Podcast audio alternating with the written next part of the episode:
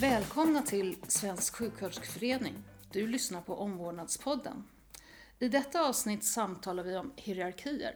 När organisationsformen blandas ihop med personalens uppfattning om sina roller. De osynliga gränserna i sjukvården går i flera riktningar. En kvinna som vill bli neurokirurg, en man som vill bli barnmorska, en sjuksköterska som protesterar mot att bli avbruten eller en undersköterska som slår sig ned vid läkarnas fikabord. Alla är de normbrytare.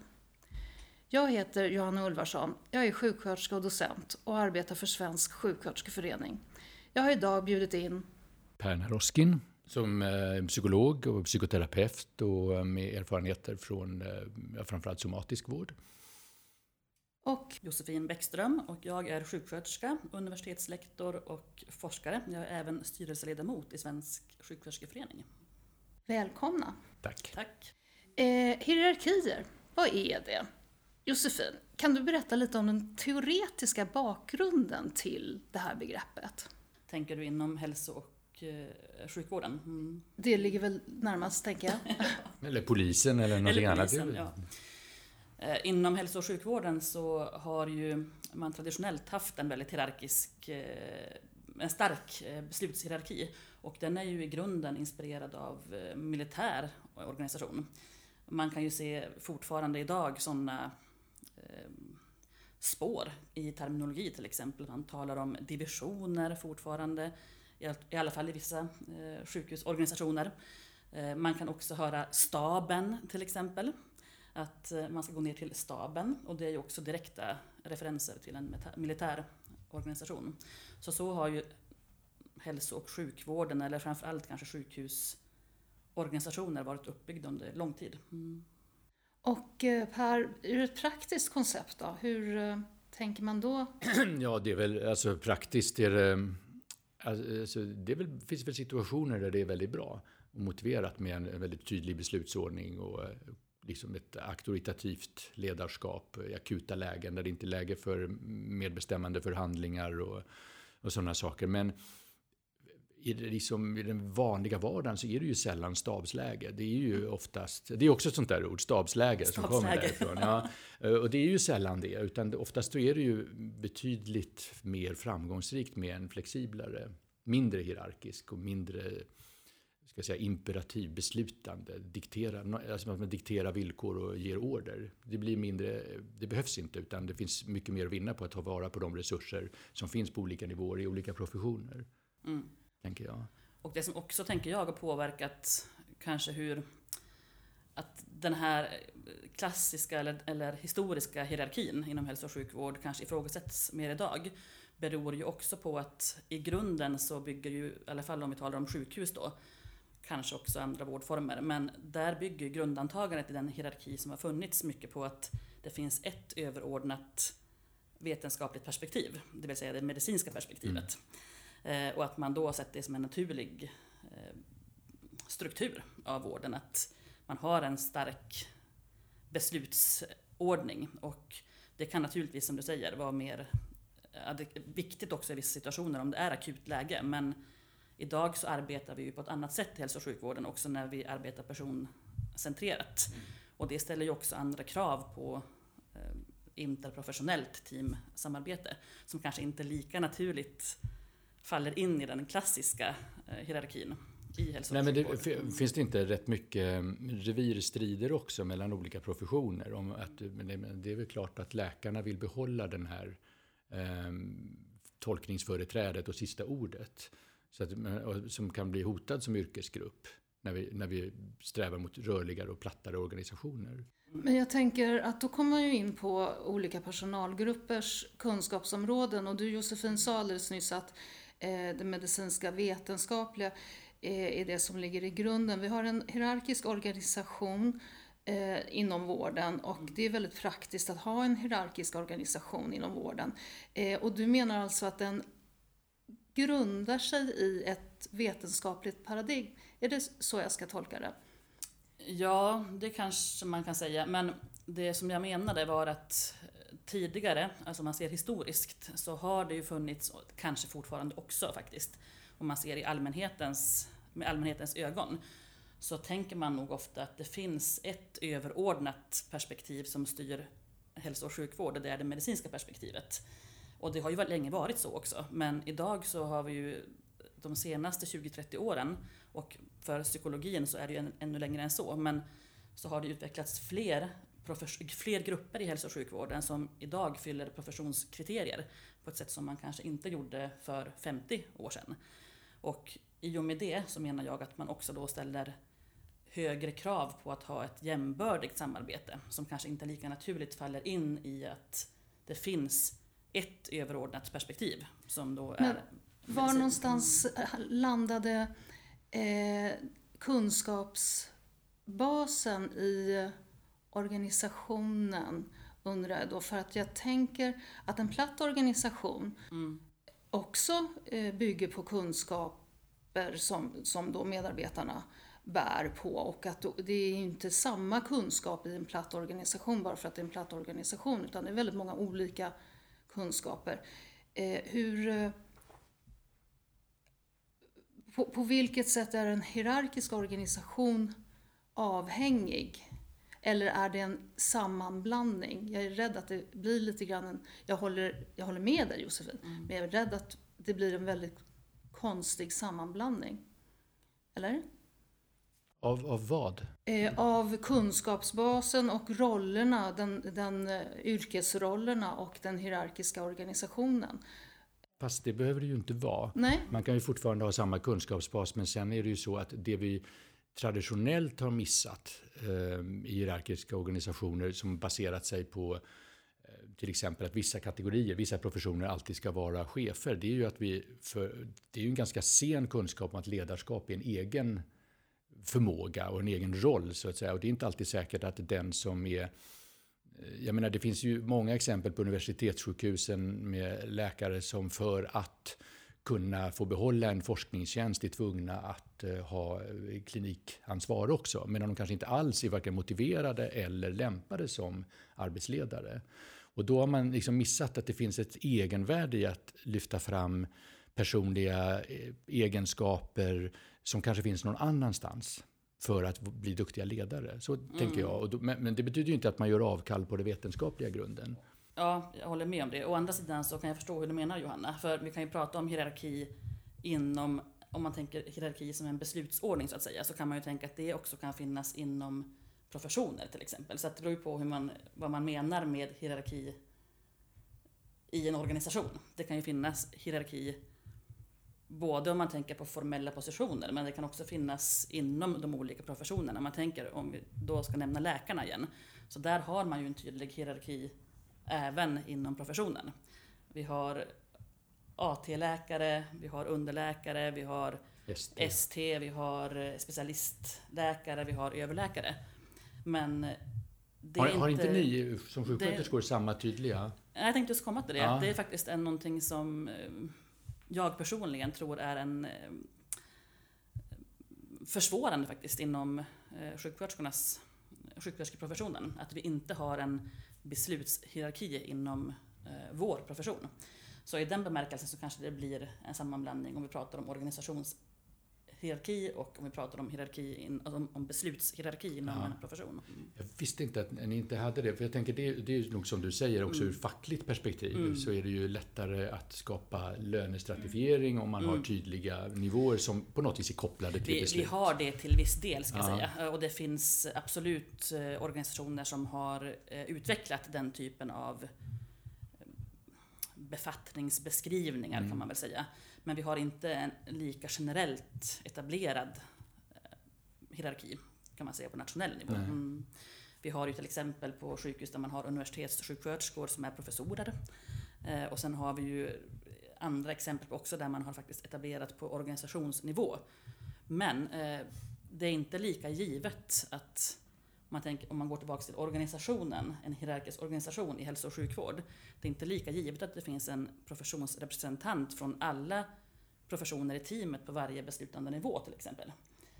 Det är inte, Nej. det är inte så självklart att det finns till exempel, om man tänker då på en psykiatrisk Mm. verksamhet, Mm. att det på varje, varje sån beslutande nivå i hierarkin i organisationen, att det där ska då finnas en representant för fysioterapi, för psykologi, för omvårdnad, för medicin som samverkar jämbördigt på varje sån hierarkisk nivå. Det är inte lika självklart. Mm. Nej, verkligen inte. Tyvärr. Ja, eh, spännande. Jag tänker också eh, in, inom olika specialiteter då, inom vården så finns det ju också någon slags outtalad hierarki. Eh, en del betraktas som lite coolare, lite tuffare, lite bättre och kanske till och med bättre eh, avlönade mm. eh, än andra. Eh, det, och det här eh, syns ju inom eh, alla professioner som arbetar inom vården. Var arbetar du någonstans? Jaha, du jobbar där. Är det någonting som ni har reflekterat över Per?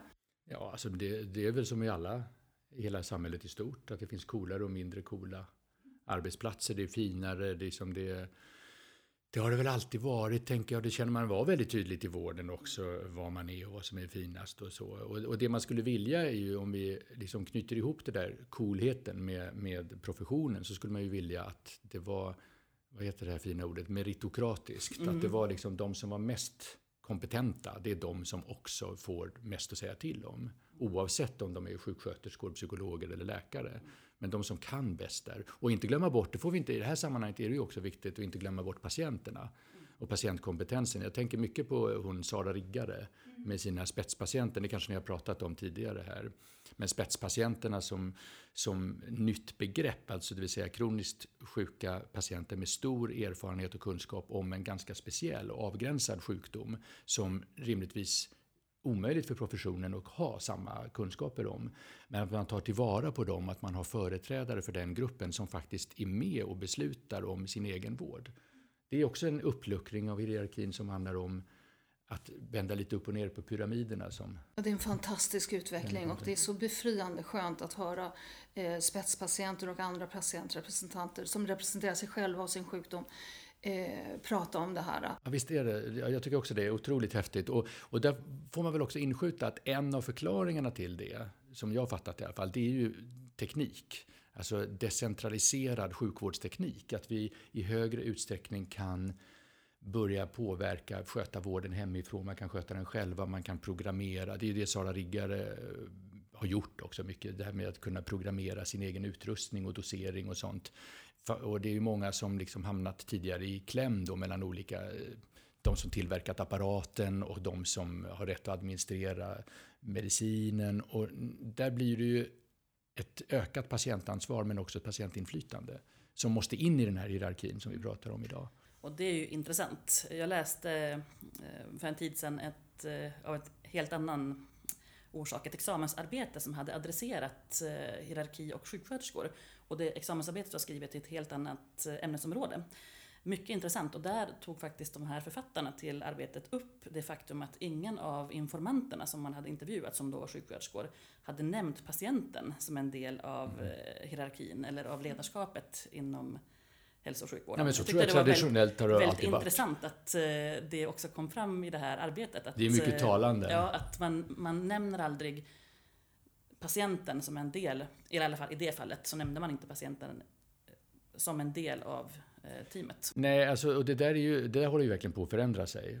Eh, och vi, jag tänkte man kan komma tillbaka till det. Det finns ju olika bra och dåliga sidor med den här förändringen också. Men jag kommer ihåg när jag var, alltså inom psykiatrin, den kontakt man hade med den på 70-talet. Det var ju liksom, det var ju en enorm rangordning uppifrån från, från överläkaren och ner via vanliga läkare, sjuksköterskor och sen längst ner stod patienten. Men under patienterna satt de anhöriga. Därför det var liksom, där kom ett psykologiskt perspektiv in i bilden. Att anhöriga ofta var de som orsakat de svåra problemen för patienterna. Som sen krockade med ett medicinskt perspektiv. Att vi, anhöriga hade ingen chans att förstå och patienten förstod ingenting själv och kunde inte ta ansvar.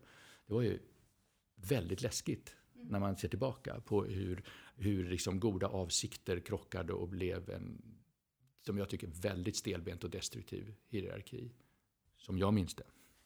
Eh, jag tänker eh, göra en liten glidning här och gå över. Eh, historiskt sett så är ju de som har vårdat sjuka och folk med behov har ju varit, nu, nu pratar vi kanske 16, 17, tidigt 1800-tal. Eh, också de mest utsatta själva har vårdat de mest utsatta. Eh, utstötta eh, kvinnor, ofta med alkoholproblem, eh, kan man läsa om i, historiska dokument. Eh, senare blev ju då, mycket tack vare Florence Nightingale, eh, sjuksköterskeutbildningen reglerad och eh, det var eh, eh kvinnor av god börd som utbildade sig till sjuksköterskor. Och det fick ett fantastiskt lyft och de allra första sjuksköterskorna, definitivt i England, de eh, tjänade ju lika mycket som eh, läkarprofessorerna, för de var så eftertraktade och behövdes så pass mycket.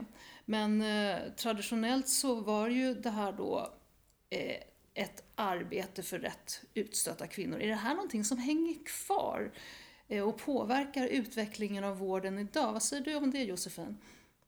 Det jag tror kan, det anknyter lite till det du sa nu, men det jag själv tror har påverkat ganska mycket nu när vi sitter här idag och pratar om hierarkier och hur man betraktar professioner i vården.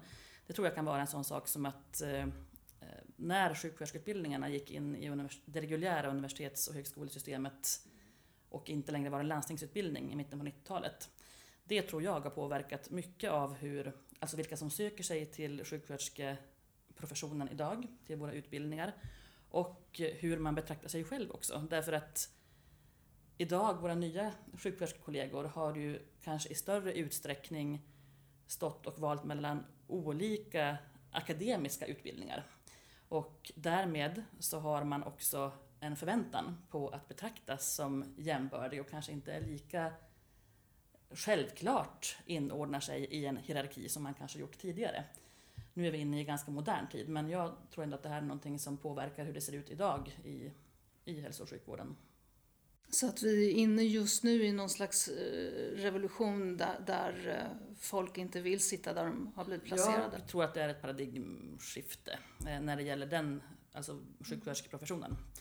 Jag, jag, jag, läste en sån här insändare i Dagens Nyheter om en kvinna som hade problem med sin familj för hon kände att Eh, Eh, de hade hamnat i ett slags ond spiral, en ond cirkel där hon hela tiden var den som fick eh, ta skulden för allt.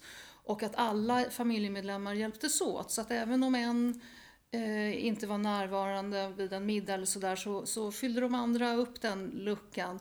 Och eh, på något sätt, eh, det nämndes inte men jag själv tänkte att de bibehöll den här eh, maktstrukturen åt varandra av någon anledning. Per, jag tänker, gör vi så i vården? Vilken skum familj. Mycket skum familj. Ja, Men jag tänker om vi, om vi, tolkar vård, en vårdavdelning eller en hel vårdapparat som, som den här skumma familjen. Uh, jag, jag, vet faktiskt inte. Nej. Uh, du menar att någon, någon grupp får bära hundhuvudet för alla Nej, jag tänker att vi hjälps åt att eh, se till att var och en inrättar sig i leden för att bibehålla eh, den här eh, hierarkin, den här maktstrukturen, de, de här eh, gamla fördomarna eh, som jag inledningsvis säger om, om en undersköterska går och sätter sig och fikar tillsammans med läkarna så ses ju inte det alltid med blida ögon. Nej, nej det är sant. Det, det är klart att det finns en, en, en konserverande man, man är liksom och håller med, och det är ju liksom både om vi tar din undersköterska som går och sätter sig vid läkarbordet Ehm, så är det ju inte bara så säkert att läkarna säger till henne att gå tillbaka till sin plats. Utan det sitter säkert ett gäng andra sjuksköterskor och undersköterskor och säger, vem fan tror hon att hon är? Vad håller hon på med? Och sen så, jag menar, det jag minns från, från vården, då var det ju, det, var väldigt noga man höll varandra i, Alltså jag kommer ihåg, jag jobbade som sjukvårdsbiträde och vid några tillfällen så var eh, en sköt, ensam sköterska och hade jättebråttom att gå med prover. Eh, och skulle då vara tvungen att lämna avdelningen. Och då kommer jag ihåg vid något tillfälle att jag erbjöd mig att gå då på Sankt Erik, var det här bort, hela vägen bort till, till labb då med de här proverna. Och det var ingen match för mig att göra det och vi var ju flera biträden. Men då blev jag ju så utskälld av eh, en undersköterska där som ansåg att de ska göra sitt jobb, vi ska inte hålla på och göra deras arbetsuppgifter. De får inte lasta det på oss. Så det finns ju alla riktningar, alltså håll kvar, tro inte att du är någon. Eh, och, och både, både liksom glastaket och det klibbiga golvet är ju väldigt tydliga. Ja, visst. Och jag tycker också att i det här sammanhanget så är ju begreppet internalisering intressant. Att man kan internalisera en bild eh, av sig själv också som profession, tänker jag. Mm. Vad gör sjuksköterskor? Vad gör undersköterskor? Vad gör läkare eller psykologer för den delen? Tack. tack. Mm. ja, nej, men det, det, tycker jag är intressant just i bemärkelsen. Vi pratar ju ofta om att varför har det inte hänt mer så att säga? Varför är det fortfarande så här i hälso och sjukvården? Men det finns ju starka krafter där man faktiskt också till ja, men man, man antar faktiskt föreställningar om sin egen profession också. Mm. Som man reproducerar kanske från generation till generation av undersköterskor eller sjuksköterskor eller läkare. Mm. Ja, och, men, men det där är ju, jag tror du är något väldigt viktigt på spåren där med internaliseringen. Men sen får man också se att det finns ju en fördel, alltså om man håller sig till sitt så kan man skylla på andra när det blir fel. Mm. Alltså det, det, är ju liksom en ansvarsman. Ingen vill bli sittande med Svarte Petter utan man skjuter det mellan olika yrkesgrupper och vem som i sista hand har ansvaret. Och börjar man luckra upp det där då är ju risken att man själv också blir ansvarig för sånt som, som inte står i befattningsbeskrivningen och som, som man inte vill hamna i den situationen helt enkelt. Så det finns ju åt bägge hållen. Att man avgränsar sitt ansvar också. Men det här är ju intressant för jag läste lite tidigare här om ett eh, begrepp som heter stängning som man brukar koppla till professionsbeskrivningar. Och stängning som jag förstår det då, det innebär att en profession ofta gör anspråk på att ta delar som kan stärka den egna professionen så att säga och göra de delarna till sina egna. Eh, det skulle kunna vara till exempel de avancerade kliniska specialistsjuksköterskorna som heter nurse practitioners i andra länder. Där har ju sjuksköterskor då så att säga tagit en del av det medicinska fältet och gjort till sitt eget. Och då utvidgar man ju sitt ja, professionella revir kan man säga. Och det tycker jag är intressant i det här. Men var kom stängningen in? Det där var väl öppning? Eh, ja, precis. Det är väldigt motsägelsefullt. Eh, men jag har förstått att det ingår just att man försöker avgränsa och säga att det här tillhör vår profession nu. Eh, ja, och då med stängningen är gentemot andra. Du, ja, får, du får inte vara med, nu har vi tagit ja, det här. Just det, mm, att stängningen är en del som man brukar koppla till just professioner. Mm, men, men alltså alla vill ju ha större del av kakan, men ingen vill ha större del av ansvaret. Mm. Och så, så, så, tycker jag det gäller för alla. Alla vill vara med och bestämma, men, men i slutändan vill man gärna kunna skylla på någon annan. Mm. Som din konstiga dysfunktionella familj som du tog upp nyss. Precis, så att en profession då eh, kan definieras av att det finns ett ganska begränsat definierat eh, område som den här professionen eh, verkar inom. Är det mm. rätt mm. uppfattat? Ja, det finns ju de här klassiska kriterierna för att vara en profession som ju bland annat Svensk sjuksköterskeförening har mm. skrivit fram. Till exempel att man har ett eget vetenskapligt område, att man har legitimation, att man har en etisk kod att förhålla sig till, att man värderas högt i samhället till exempel. Men jag tycker också att de här andra eh, begreppen som också finns kopplat till profession är intressant. Där just det här, den motsägelsefulla stängningen då mm. är en. Eh, men det finns också sådana här aspekter som till exempel eh, sociala förväntningar. Att man social, i en profession så socialiseras man in mm. i hur man förväntas vara som en representant för den professionen. Man skulle kanske kunna tänka på jurister kanske. Att om det finns också en dimension som inte bara är en checklista att man har ett eget vetenskapligt fält, juridik, utan det finns också vissa sociala normer som så att säga följer med inskolningen i en profession. Och det tycker jag själv är väldigt intressanta aspekter av just professionsdiskussionen i hälso och sjukvård. Mm. Och också hur det krockar, jag tycker också det där är intressant, men hur det krockar, med, som jag minns från min tid där på olika avdelningar, hur hur å ena sidan så sjuksköterskan hade tydliga arbetsuppgifter som skulle göras, som bara hon kunde göra, som ingen annan som kunde göra. Och jag säger hon, för det var nästan bara hon. Mm. Uh, och, men, men däremot fanns det en, ett krav och en förväntan från biträden och undersköterskor att eh, sjuksköterskan skulle delta i det vanliga, i det övriga arbetet. Och då var man en bra sjuksköterska. Medan däremot han, man, då fick hon jättestressigt med det som hon sen skulle rapportera och fick kritik från det hållet. Så det var en väldigt mellanchefsposition där man förväntades vara en bussig en i gänget. För att statusen var inte tillräckligt, alltså ingen förväntade sig att eh, klinikchefen skulle springa ner och bädda. Det fanns ingen förväntan, men, men där fanns en flytande gräns. Ja, och det du säger nu, det är väl något som man skulle kanske kunna koppla till det som kallas för semiprofessionellt agerande också. Ja. Det vill säga att man, det kan finnas en skillnad eller en diskrepans mellan att vara en profession i teorin mm. och, en, och om man är en profession i verksamheterna så att säga. Och om man, om man agerar som en profession eller förväntas agera som en profession. För det du berättar nu och ger exempel på, det ser vi ju fortfarande idag. Oh ja, det, det är ju ja, någonting som det ser man väl överallt. Alltså, det är alltså mellanchefsdilemmat mm. överhuvudtaget. Man ser det inom polisen, vet jag väldigt tydligt också. Att liksom de som är uppskattade, det är de som är en i gänget. Men samtidigt så blir det svårare att ta obekväma beslut och vara lojala med ledningen. Vilket man ju också måste som chef. Mm. Mm. När man arbetar då inom vården så, eh, så har vi professionerna. Eh, och vi har rätt ut då eh, att det här är ganska avgränsat och tydligt, klart. Men sen så har vi ju då teamsamverkan. Eh, och någonstans känner jag att det kan bli en krock. Hur, hur ser du på ett team Per? Ja, alltså ett, ett team är ett antal personer som arbetar mot ett gemensamt mål som har en tydlig rollfördelning och som är där i första hand för att arbeta, inte för att umgås och där rollerna är tydliga men kan vara flexibla utifrån uppgiften och inte någonting man klamrar sig fast vid bara, utan man tar tillvara på varandras olika kompetenser. Det är ganska få arbetsgrupper som är team. De flesta är på något annat sätt, alltså ordnade för att eh, inte förändras för att skapa trygghet och kontinuitet på jobbet och vi vet vad vi har men inte vad vi får. Vi är ett glatt gäng med högt i tak brukar ju folk säga. Och det brukar ju nästan alltid stämma lite, alltså, men inte till, alltså det stämmer inte alls egentligen därför man har aldrig mätt takhöjden. Den risken tar man inte utan man ser till att man har en trevlig stämning. Och sen finns det andra grupper som, som, som också vanliga inom vården som säger så här, eh, och de är inte heller team då, de säger så här, vi har en rå men hjärtlig stämning. Och det brukar stämma till ungefär 50 procent. Det där med rå stämmer. Men det där med hjärtlig är ju inte så säkert. Utan man hamnar lätt i en cynisk jargong. Man är upptagen med interna konflikter. Eh, och vem som ska få bestämma. Och eh, informella ledare som mobbar och, och så. Och sen har vi alla de här ensamvargarna som bara klarar att jobba helt ensamma. Och som inte är bra på att samarbeta men som är duktiga på det de gör. Som borde få sitta vid ett mikroskop i lugn och ro utan att bli eh, mobbade för det. Och sen har vi teamen som liksom har styrfart i sitt arbete.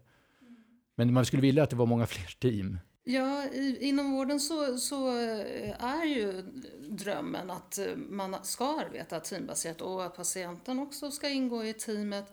Men eh, om man precis som du Per då skrapar lite grann på ytan och egentligen och sätter sig ner och tittar på vad, vad är det jag ser här så tycker jag nog att man ganska ofta ser solitära professioner göra sin sak och sen backa ut ur rummet. Det blir, det blir liksom aldrig någon eh, fri dans där med, med rörligheter som liksom svajar in i varandra utan eh, Josefin Ja, men är det inte så att man inom hälso och sjukvården är väldigt förtjust i att eh, uttala att eh, här arbetar vi i team? Och jag tycker just, eh, vi pratade tidigare om psykiatrisk vård, det tycker jag är ett bra exempel. Att där har jag i alla fall uppfattat att man ofta liksom framhäver det. Att psykiatrin, eller den psykiatriska vården, där, den är verkligen teambaserad, här jobbar vi i team. Men om man skrapar på ytan så är det ju väldigt intressant då att se vad är det här teamarbetet egentligen? Och det finns ju också en liksom begreppsförvirring inom hälso och sjukvård. Vi pratar ju mycket om multiprofessionella team och eh, tvärprofessionella team och sen finns det ju också det här då interprofessionella team. Och det här är ju inte bara egentligen Ja, det var ju skillnaden mellan ett multiprofessionellt och ett interprofessionellt. Det interprofessionella teamet, då avser man ju mer att man, eh, är en, man samverkar jämbördigt. Så är vi då en psykolog, en läkare, en fysioterapeut och en sjuksköterska, eh, då förväntas vi alla bidra utifrån jämbördigt utifrån våra respektive kompetensområden. Det är inte givet i den stunden att det är det medicinsk-psykiatriska perspektivet som ska vara det dominerande, som okay. då alla vi andra ska, ska säga, hjälpa anpassa och hjälpa till och anpassa oss efter. Och eh, det här tycker jag är väldigt intressant för eh, just inom eh, den psykiatriska vården, men säkert inom många andra områden också, så glider det väldigt lätt in på att det inte är ett interprofessionellt samarbete utan det är ett medicinskt paradigm som de andra professionerna inordnar sig mycket i. Ja, man hamnar i gamla hjulspår. Ja. Men här tycker jag, man, här skulle jag vilja slå ett slag för, som jag tycker är jätteintressant, placeboforskning. Mm. Som, som har vuxit fram så himla mycket nu. Och, och då tänker jag, alltså det som den visar till exempel när det gäller ja, men, var en sån enkel sak som smärtlindring, eller enkel, men, mm. men, men som smärtlindring, som ett tydligt konkret exempel, hur, hur i så hög grad, det man alltid trodde var inbildning förut, är ju snarare en positiv förväntan om att faktiskt få adekvat smärtlindring, vilket sätter igång och mobiliserar kroppens egna resurser att eh, verka för en upplevelse av smärtlindring. Och det sätter ju fingret på den enorma betydelsen av bemötande. Vilket borde få, när vi pratar om vad som är coola eller inte coola, så borde ju omvårdnadsforskning liksom verkligen bara swish upp som hög status eftersom den fullständigt avgör all form av eh, förutsättningarna för att patienten ska må bra, ta till sig ordinationer och eh, ja, hålla ut. Alltså det är liksom, omvårdnadsforskning borde liksom vara nummer ett. Ja, och här kan man ju också, jag tänker bara mm, aktuell erfarenhet när jag träffar studenter som är ute på sin verksamhetsförlagda utbildning. Så just inom psykiatrisk vård så brukar jag ställa frågan då att eh, varför vårdas patienten här? Och eh, väldigt ofta så får jag då svaret för läkemedelsjustering och eh, uppföljning av läkemedel. Och då tänker jag att det är för mig ett väldigt tydligt exempel på att man inte har ett interprofessionellt arbete. För om det bara handlar om att patienten måste vara på en, av, på en sjukhus på heldygnsvård för att ställa in ett läkemedel, då skulle man ju kanske lika gärna kunna tänka att man kan göra det i hemmet. Så det måste ju finnas rimligtvis några andra behov som den här personen har för att vara på sjukhus på heldygnsvård. Men studenterna lyfter, naturligtvis ibland gör man det, men påfallande ofta som man faktiskt inte lyfter fram att det finns ju andra behov som patienten faktiskt har. Och det primära är inte kanske just läkemedelsinsättning och justering. Nej, det var väl ett jättebra exempel mm. på just det. Och när du påpekar det här för studenterna, vad är reaktionen? Ser de, förstår de, är de mogna och tillräckligt öppna för att... Det varierar ju såklart, men eh, ja, det här kanske är lite sorgligt, men eh, ganska ofta så är det ganska uppenbart att man har inte tänkt så. Och det här är ju naturligtvis inte studenternas fel, kan man ju säga. Men, men det är ju snarare kanske ett tecken på hur strukturen fortfarande ser ut inom hälso och sjukvård. Att även om man pratar om att de andra perspektiven i de andra professionerna är eh, viktiga, så finns det fortfarande ett väldigt tydligt överordnat perspektiv.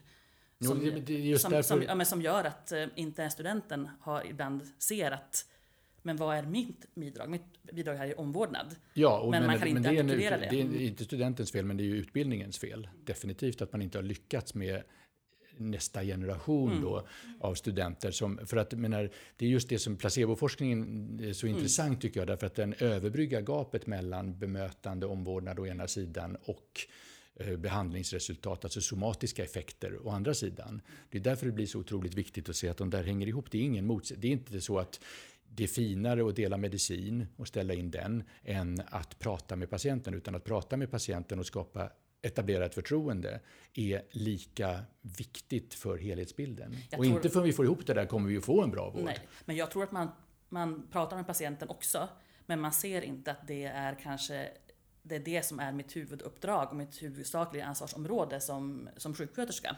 Att faktiskt ställa en, ta en egen omvårdnadsstatus och anamnes, ställa en omvårdnadsdiagnos, ordinera omvårdnadsåtgärder och sen följa upp de åtgärderna självständigt och autonomt. Ja, men att säga också inte bara att det är det som är det viktigaste uppdraget istället, utan att det finns något slags övergripande perspektiv ja, som inkluderar både bemötande och absolut. Eh, medicininställningen. Ja, visst, vi tar det. det. det och det inte... måste man säga att det är det som är studentens, eller den nya uppdrag då, att göra helheten. Inte liksom att för ofta har man ju sett, det tycker jag ofta, jag, jag, mina föräldrar är gamla och dementa och dåliga och, och jag är mycket inom, varit jättemycket, alltså jag åkte ju skytteltrafik med klippkort på akuten på olika mottagningar nu det senaste året. Och då ser man verkligen olikheterna där, där, och då finns det ju liksom en grundsyn tycker jag ofta som är att det viktigaste är att se till de somatiska behoven, hel och ren och medicininställd och undersökt och trombolys och koll på det där och, och så. Och sen så ovanpå det så finns det de som ger schysst bemötande som om det var liksom grädden på moset. Men det är ju precis tvärtom. Om man liksom kommer in på rätt sätt alltså, eh, och möter folk som tar emot en på rätt sätt, då tror jag man blir mycket kortare tid kvar. Mm. Vare sig det rör sig om ett benbrott eller om det rör sig om eh, en stroke. Såklart så står det inte, och det var verkligen inte min mening heller, Nej, att framställa det. som att, att det här står i motsatsförhållande. Nej, men, men, självklart men inte. det, är, det är ju olika, att hantera läkemedlen är ju i grunden inom det medicinska fältet.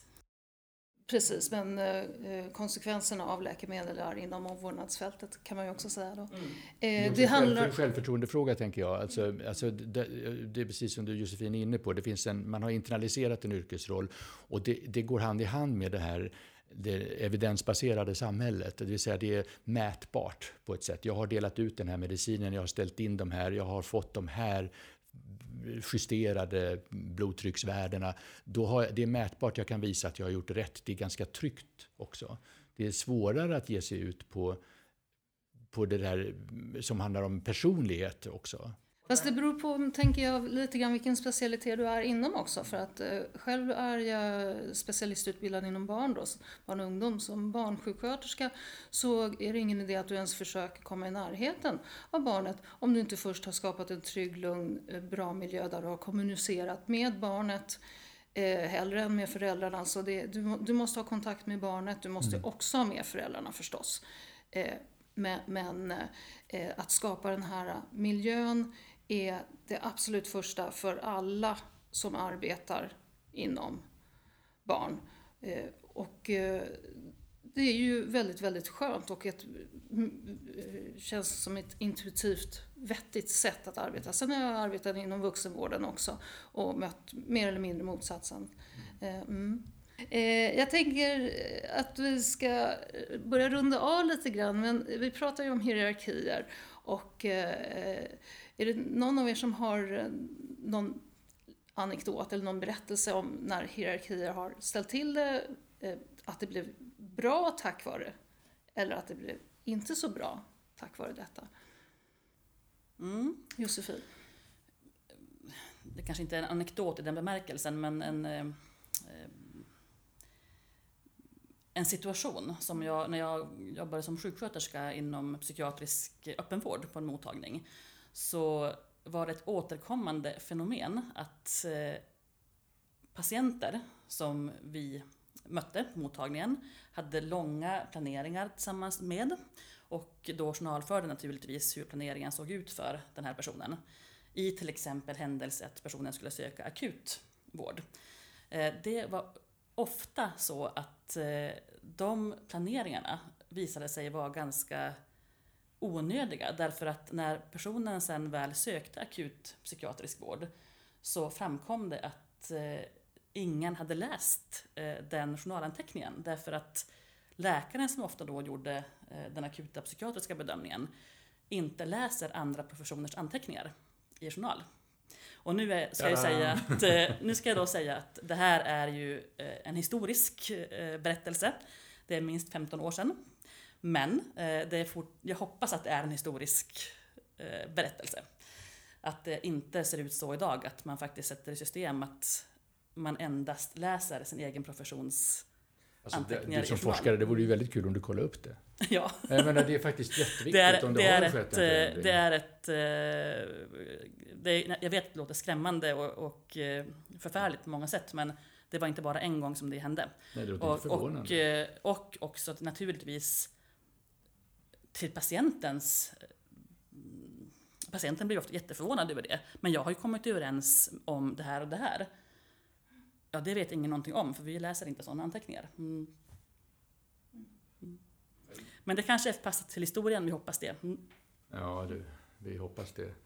Jag är, jag är skeptisk. skeptisk. Jag, tror, jag tror verkligen att den här diskussionen som vi har haft idag är jätterelevant. Därför att det är fortfarande så att um, hierarkiska strukturer genomsyrar vården och vår syn på oss själva, på patienter, på varandra på ett sätt som, som måste då och då upp till ytan, måste diskuteras. Och jag, jag har ingen bra anekdot utöver de jag nämnde tidigare då, men, men eh, jag har en annan synpunkt som jag tycker är viktig att ta in i den här diskussionen när vi pratar om att inkludera patienterna också i, i vården. Vi får ju, och har länge haft, men allt mer så får vi ju går från behovsstyrd till efterfråganstyrd vård. Där patienter, alltså vi har alla de här apparna med, eh, man kan konsultera en psykolog eller en läkare direkt och, och sen för vilken liten åkomma man än har. Och fördelen är ju naturligtvis att det blir kortare väntetider. Man behöver inte åka in på vårdcentraler och sitta och sånt där. Och det, det, är väldigt, det blir ju patientcentrerat, det blir ju styrt efter patientens behov och verklighet och så. Men nackdelen är ju, risken är ju att vi får en förskjutning från där, där liksom efterfrågan kommer att styra så mycket av vad som prioriteras inom vårdinsatser. Polikliniskt då, tänker jag. Eller hur? Ja, det är skrämmande. Ja, men det är ju verkligen en, en reell förändring. Att de som har resurserna och apparna och, och möjligheten att formulera sitt behov och ställa krav, de kommer att tränga sig på bekostnad av de som inte kan formulera sina egna behov eller som är multikroniskt sjuka och inte kan ta ha del av det där. Som samtidigt dränerar budgetar, offentliga budgetar eftersom det är det som finansierar en hel del av de här besöken. Så att det där måste man också väga in i. i liksom, det är inte bara så att vi vill att patienter i alla former ska ha mer att säga till om. Alla, inte alla patienter och inte alltid. Utan någonstans måste man titta till vad finns det för behov av vård här. Mm. Mm. Så, och, och då behöver ju vårdens organisation bli väldigt mycket tydligare där och eh, politiker måste våga ta ett steg framåt och säga att detta ger vi vård för, detta ger vi inte eh, på, eh, på det allmännas medel. Mm, så är det. Jag vill tacka er bägge två för er medverkan och eh, det har varit otroligt intressanta svängningar och samtal här. Så tack så mycket. Tack för att du fick komma.